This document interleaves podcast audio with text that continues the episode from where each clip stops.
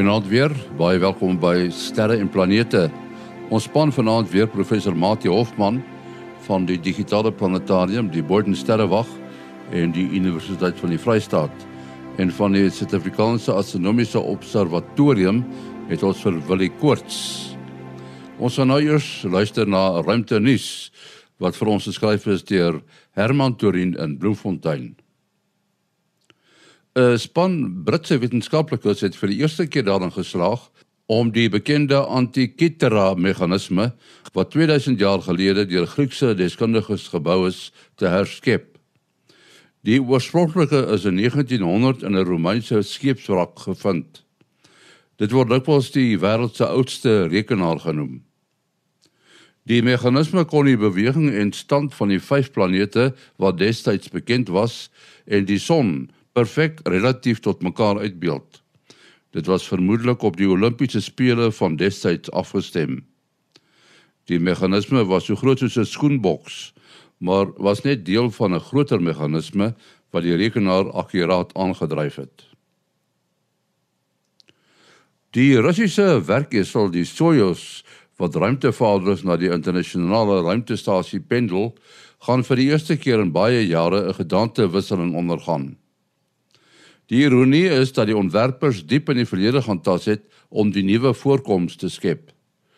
Dit is geskep na die voorkoms van die tuig wat die eerste mens na die ruimte geneem het, Yuri Gagarin.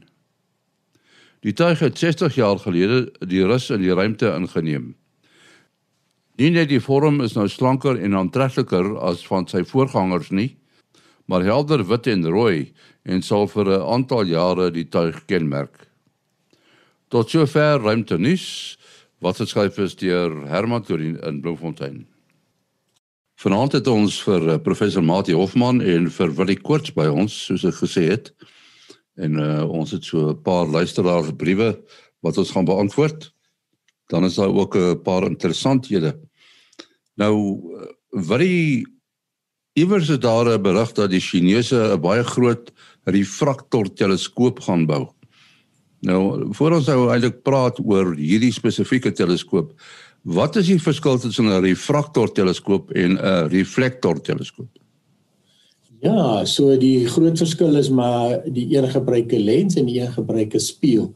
En dan kry jy ook nog teleskope wat 'n kombinasie tussen die twee is wat wat albei gebruik. So die die meeste van ons is vertroud met verkykers en 'n verkyker het natuurlik bestaan nou hoofsaaklik uit lense en en die daar's ook prismaatjies en goed daar binne maar die die die wat die werk doen is natuurlik die uh, se lens wat die lig bymekaar bring en dan 'n oogstuk wat die beeldjie vergroot. So dis dus as jy baie 'n baie eenvoudige manier van 'n refraktor of 'n lensteleskoop. Uh daarteenoor het jy natuurlik 'n spieelteleskoop of 'n reflektorteleskoop en uh, in die geval is die spieël is gewoonlik 'n hol spieël 'n kon kawe spieël en uh, die die spieël is dan geslyp en sy blinklaagie lê bo op die spieël en dan soos wat die lig inkom word die lig terugweerkaats na 'n fokuspunt toe. Nou daai fokuspunt kan jy dan nou verder vat in verskillende rigtings en langs die kant uit en so aan wat nou uh, uh maar maar die eintlike um, optiese krag sit dan nou nog steeds in die in die spieël wat dan nou baie akkuraat geslyp is en en dan die die lig bymekaar bring in plaas van 'n 'n lens wat die wat die lig bymekaar buig. So die voordele van uh die voordele van 'n spieelteleskoop is dat uh, uh jy jy het 'n klomp uh, probleme met 'n lensteleskoop. In die eerste geval as jy dink aan 'n aan 'n aan 'n aan 'n spieeltele aan 'n lensteleskoop en jy dink aan 'n lens dan as jy hom op sy kant kyk dan lyk dit soos 'n prisma. En dis dan presies wat gebeur as die lig dan inskyn word die lig opgebreek in sy kleure soos wat 'n prisma doen. En en om dan 'n 'n 'n lensteleskoop uiteindelik um te maak dat jy nie 'n beeld kry wat veel kleurig is nie, moet jy nou verskillende nog lense goed wat jy moet bysit. So tipiese kamera lens sal byvoorbeeld tot 6 elemente of meer hê. Uh laat die laat die beeld nie veel kleurig is nie. Die die ander probleem van 'n 'n um, uh, lens is dat lens laat nie alle frekwensies dieselfde deur nie. So ons weet almal dat in jou voertuig, hy staan in die son en die sonlig skyn in op jou um jou sitplekke en dit bak warm en die infrarooi die hitte kan dan nie ontsnap nie en dis hoekom die kar dan so geweldig warm word. So uh en dan 'n klikke derde ding van 'n lens is dat omdat jy 'n lens net op sy rand vashou, is daar 'n beperking aan hoe groot kan jy 'n lensteleskoop bou en uh um, wat hy begin aan onder sy eie gewig uh eintlik te vervorm omdat jy hom net op die op die randjie kan vashou.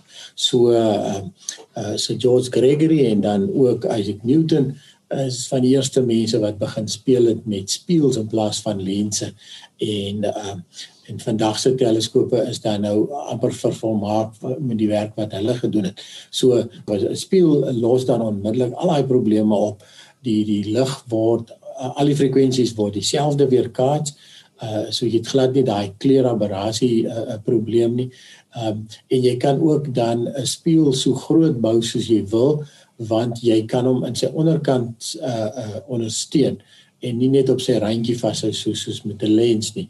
En uh, dan kan jy natuurlik selfs 'n spieël in stukkies sny en en so salt en en kyk in die groot teleskope waar jy dan 'n klomp klein spieëls het wat dan saam 'n groot vuurspieël vorm.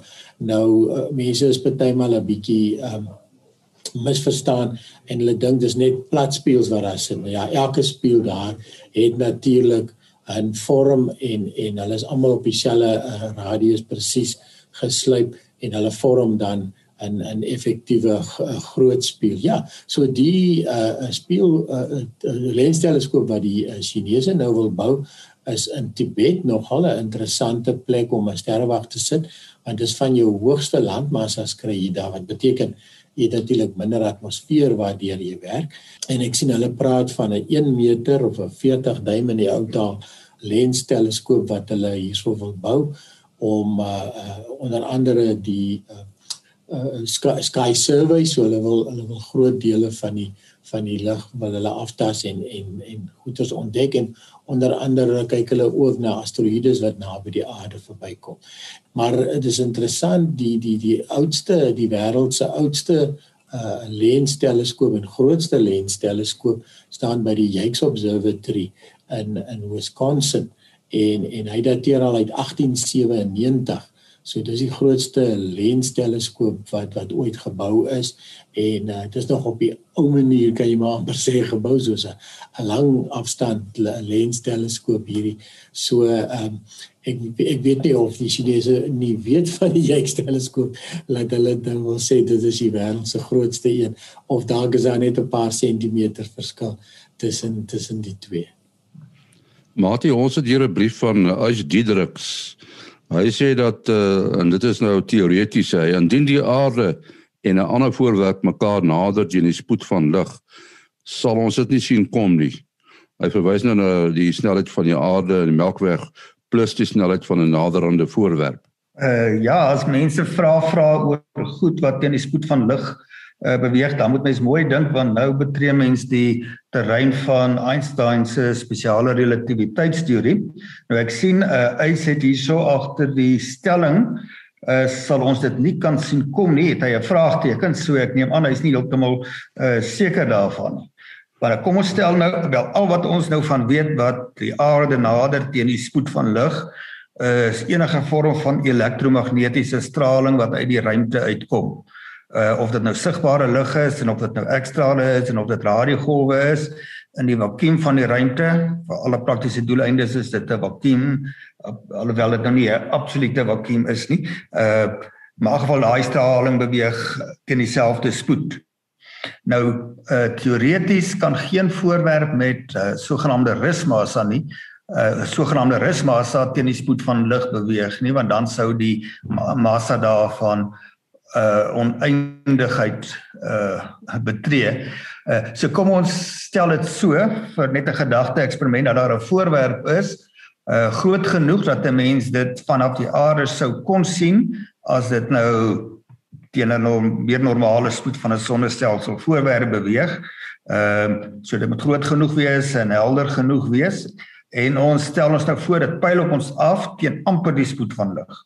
Dan is ons nog binne die grense van wat die fisika in beginsel toelaat. Nou wel uh vanaf die aarde gesien, daar gaan in beginsel genoeg tyd wees as die voorwerp ver genoeg is. Uh want dink nou maar net daaraan uh as hy daar verby die son sou kom, uh dan is daar nog 8 minute lank uh wat hy sou reis. Die die son is 8 ligminute weg en as hy nou vanaf Jupiter sou uh sou kom uh so amper 'n halfuur. Ehm um, maar wat verskillend gaan wees is uh afhangende van die kleur lig wat deur die voorwerp weerkaats sou word of self uitgestraal word. Kom ons stel ons nou maar voor dit weerkaats net die son se lig. Daardie lig gaan 'n geweldige groot doppler verskywing hê. So dit gaan baie uh alles wat rooi sou wees gaan verby die ultraviolet geskei wees en uh so die as daar genoeg infra is laer radiogolwe byvoorbeeld uitgestraal word dan sou dit in die sigbare gebied uh kon in verskei word deur die Doppler effek. So die voorkoms van die voorwerp in terme van verskillende golflengtes wat daarvandaan af kom, sou totaal verander. Uh iets wat my nou so 'n bietjie sou bekommer as dit nou 'n groot genoeg voorwerp is dat hy gesien sou kon word. Ehm uh, weens 'n relativistiese effek gaan hy 'n geweldige groot massa hê as sy massa enigstens vergelykbaar sou wees met iets soos 'n planeet. En ehm uh, uh, dit sou by wyse van daardie groot massa sou dit 'n uh, aansienlik sterker aantrekkingskrag uh op die aarde en alle ander voorwerpe naby genoeg aan die sou sonnestelsel. So dit sou nogal ons bane 'n bietjie kon skuif. Uh, maar in beginsel sou mense dit kon waarneem. Uh as dit dan nou nie insigbare lig is nie, verseker met instrumente wat al die onsigbare komponente van die elektromagnetiese spektrum sou kon optel en die ouens wat die bane van die planete dop sou hou sou sien kon sien hierdie geweldige groot massa wat hier deur die sonnestelsel uh, beweeg. Uh, wat is so elke nou en dan hoor mense van groot klippe wat uh, relatief naby aan die aarde verbyskuif. En een van daai gevalle is nou iewers vandag is daar 'n klip wat uh, verbygaan 'n uh, asteroïde. Uh weet jy iets meer daarvan? Ja, die die ou se nommer is 2001 F uh, O32. Uh so as ons hom kan deur 'n teleskoop kyk sal dit op sy nommerplaat staan. Daarom was nou nie reg nie, maar ja, so die 2001 sê gelukkig vir ons die ding is al um 20 jaar uh wat ons weet van hom wat hy ontdek is en en uh die, so die, die of wat dit besonder maak is dat dit is die grootste voorwerp wat in 2001 uh verjaar by die aarde gaan verbykom of dan nou die naaste aan die aarde. Nou gelukkig naaste is daarom nou nog in 'n hele gerieflike 2 miljoen kilometer. So ons ons hoef nou nie uh, vreeslik bekommerd te raak soos die klip wat Martin nou net beskryf het nie so gelukkig was daai een hipoteties hierdie een is nou is nou regtig en grootste omdat die uh, uh, uh, uh, asteroïde so in die omgewing van uh, tot 600 meter geskat in in in grootte. Ehm um, die uh, wat daar ook besonder maak is die spoed waarteen hy beweeg uh, uh omtrent so 120 000 km/h. So dit is 'n geweldige spoed en die rede hoekom die spoed so hoog is is omdat die die die, die asteroïde met sy baan soos hy om die son kom draai. Uh soos ek sê toevallig gaan die aarde nou net uh in naby naby daai die, die aarde se baan en die en die asteroïde se baan uh kruis mekaar rol weg en en die aarde gaan vir jaar daar wees wanneer die asteroïde op sy pad om die son gaan en uh, omdat dit 'n elliptiese baan is is dit natuurlik 'n baie hoë snelheid waarteen hy beweeg wanneer hy nader aan die aan die son kom. So die die die voordeel van uh, so 'n voorwerp wat so naby is en en relatief groot is is dat ehm um, dit kan bestudeer word vanaf vanaf die aarde. Ek is nou nie uh, seker of nou nie enige berigte gesien van van uh die sterrewagte wat wel uh, gaan kyk daarna nie die ou Arecibo was natuurlik 'n baie goeie um uh teleskoop maar nou nou teleskoop is eintlik nog maar 'n radioteleskoop maar hoe dit ook al sê om um om radar vanaf so 'n voorwerp te bons en dan kan jy sy vorm uitmaak, jy kan sien hoe hy roteer, jy kan sien of daar selfs klein maantjies, noem dit nou in aanhalingstekens, nog ander uh klippies wat rondom so 'n voorwerp uh tipies voorkom. So dit is is 'n gilde geleentheid om om so 'n voorwerp uh te bestudeer wanneer dit so na aan die aarde verbykom. Ja, mens dink nou onwillekeurig aan die geval van Chelyabinsk. Dink dit was daar in die begin van 2013 toe hulle een so asteroïde bestudeer het. Toe kom daar 'n ander een by die agterdeur in, né?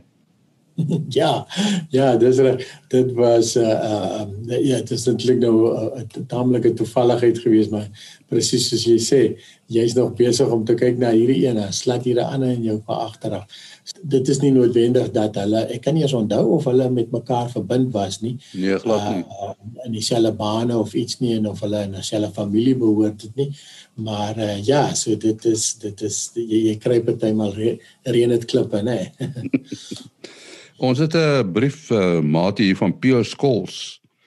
En hy sê daar was 'n onlangse artikel waarin genoem is dat die Meerkat radioteleskoop twee sogenaamde groot radio sterrestelsels gesien het. Nou 'n sterrestelsel bestaan onder andere uit radiogolwe, maar daar's 'n klomp ander golwe ook ter sprake, is dit nie? Uh en ja, as ons nou dink aan sterrestelsels, dan kan ons maar dink aan alles wat ons uh, weet wat bestaan, sal daarin wees. En dit is nou al die forme van materie, uh, uh in die vorm van sterre en van planete en dan is daar uh, ruimte of stofwolke, maar dan jy ook straling wat nou vanaf daardie sterrestelsel uh uitgestraal word wat natuurlik die die bestaan daarvan ehm um, aan ons uh, openbaar nou die bepaalde ontdekking waar uh, waarna uh, die luisteraar nou verwys uh, gaan oor 'n uh, ontdekking wat gerapporteer is of gepubliseer is op 18 Januarie van die jaar in die monthly notices of the Royal Astronomical Society. So dit is uh, nog redelik onlangs. Uh, die hoof uh, navorser van die projek is uh, Dr Jacinta Delais en uh, sy is uh, verbonde aan die Universiteit van Kaapstad. En uh, nou daar is baie radiosterrestelsels Ehm um, maar net ongeveer 800 van hulle stel nou staan nou bekend as baie lawaaierig of radio loud, extremely loud as jy dit so wil uh, wil gaan stel.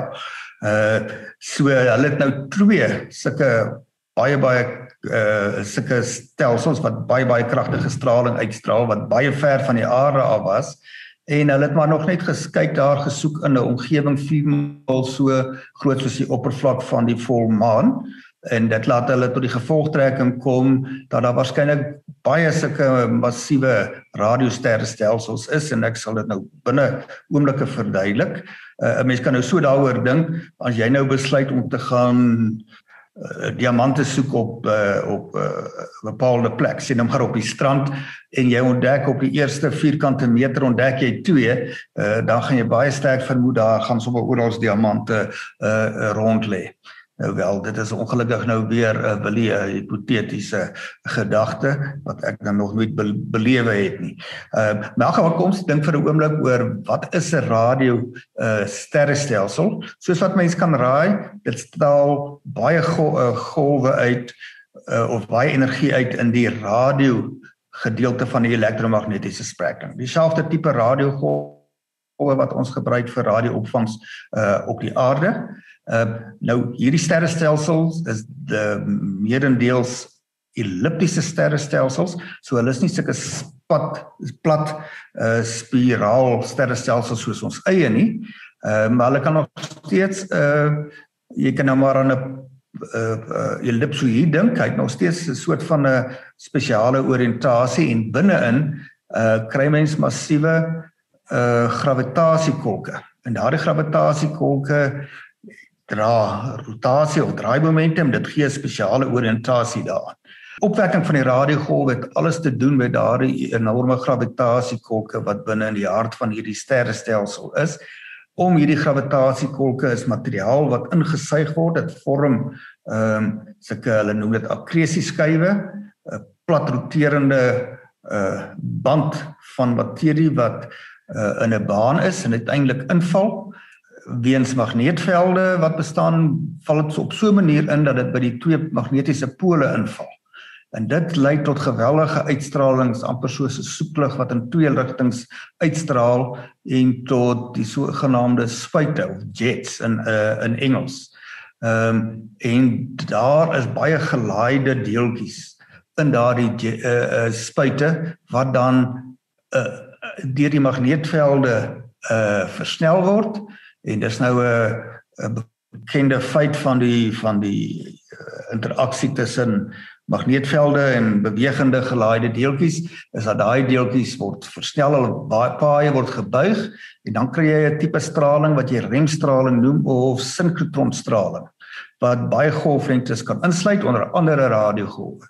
En as mens nou nog gaan kyk na 'n foto en al die golflengtes van so 'n stelsel met 'n baie bekende prototipe Centaurus A wat sommer hier in ons omgewing is op 10 miljoen ligjare. Uh, dan sal jy nou sien dat dit sulke hulle kleur dit nou met vals kleure, maar ek kyk nou hier na 'n foto van Centaurus A, dan het nou sulke spuite wat blou blou wys omdat dit ekstra hulle uitstraal. En dan by die uh punte waar hulle nou ver genoeg in die ruimte inskyn, kom die is daar rooi gebiede wat nou die radiogolwe voorstel.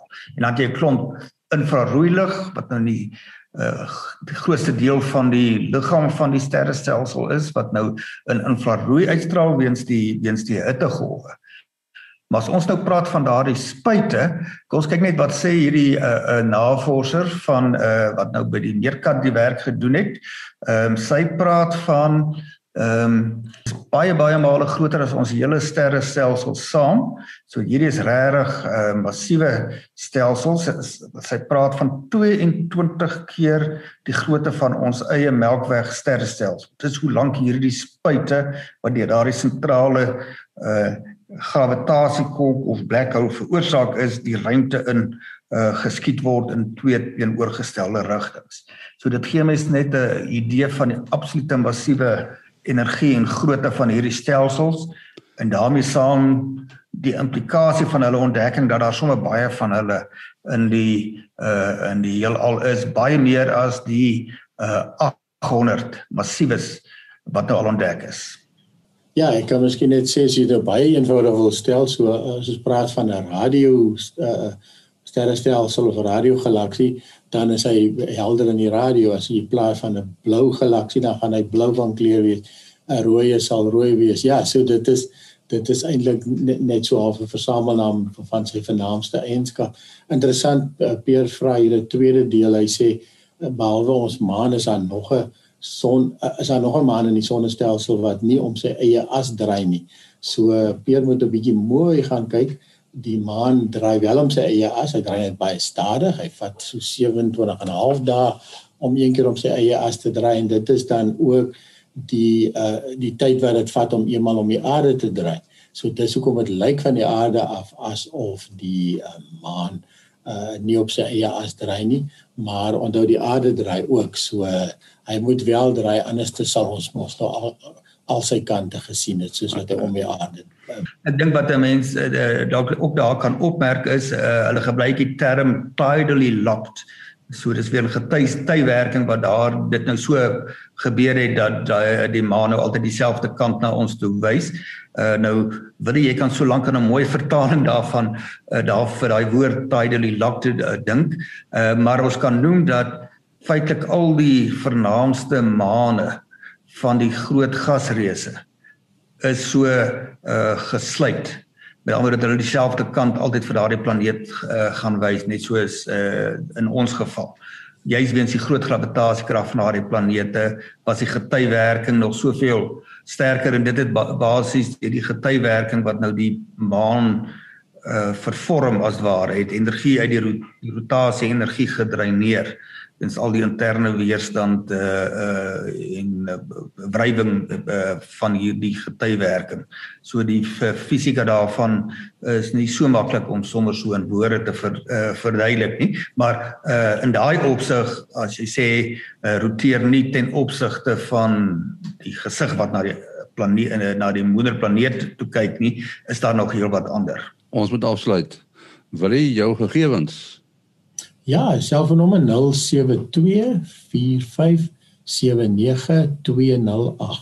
0724579208. En dan Mati? 0836257154. 0836257154. En dan ons eh, die program se e-posadres is sterreplanete@gmail.com. sterreplanete@gmail.com.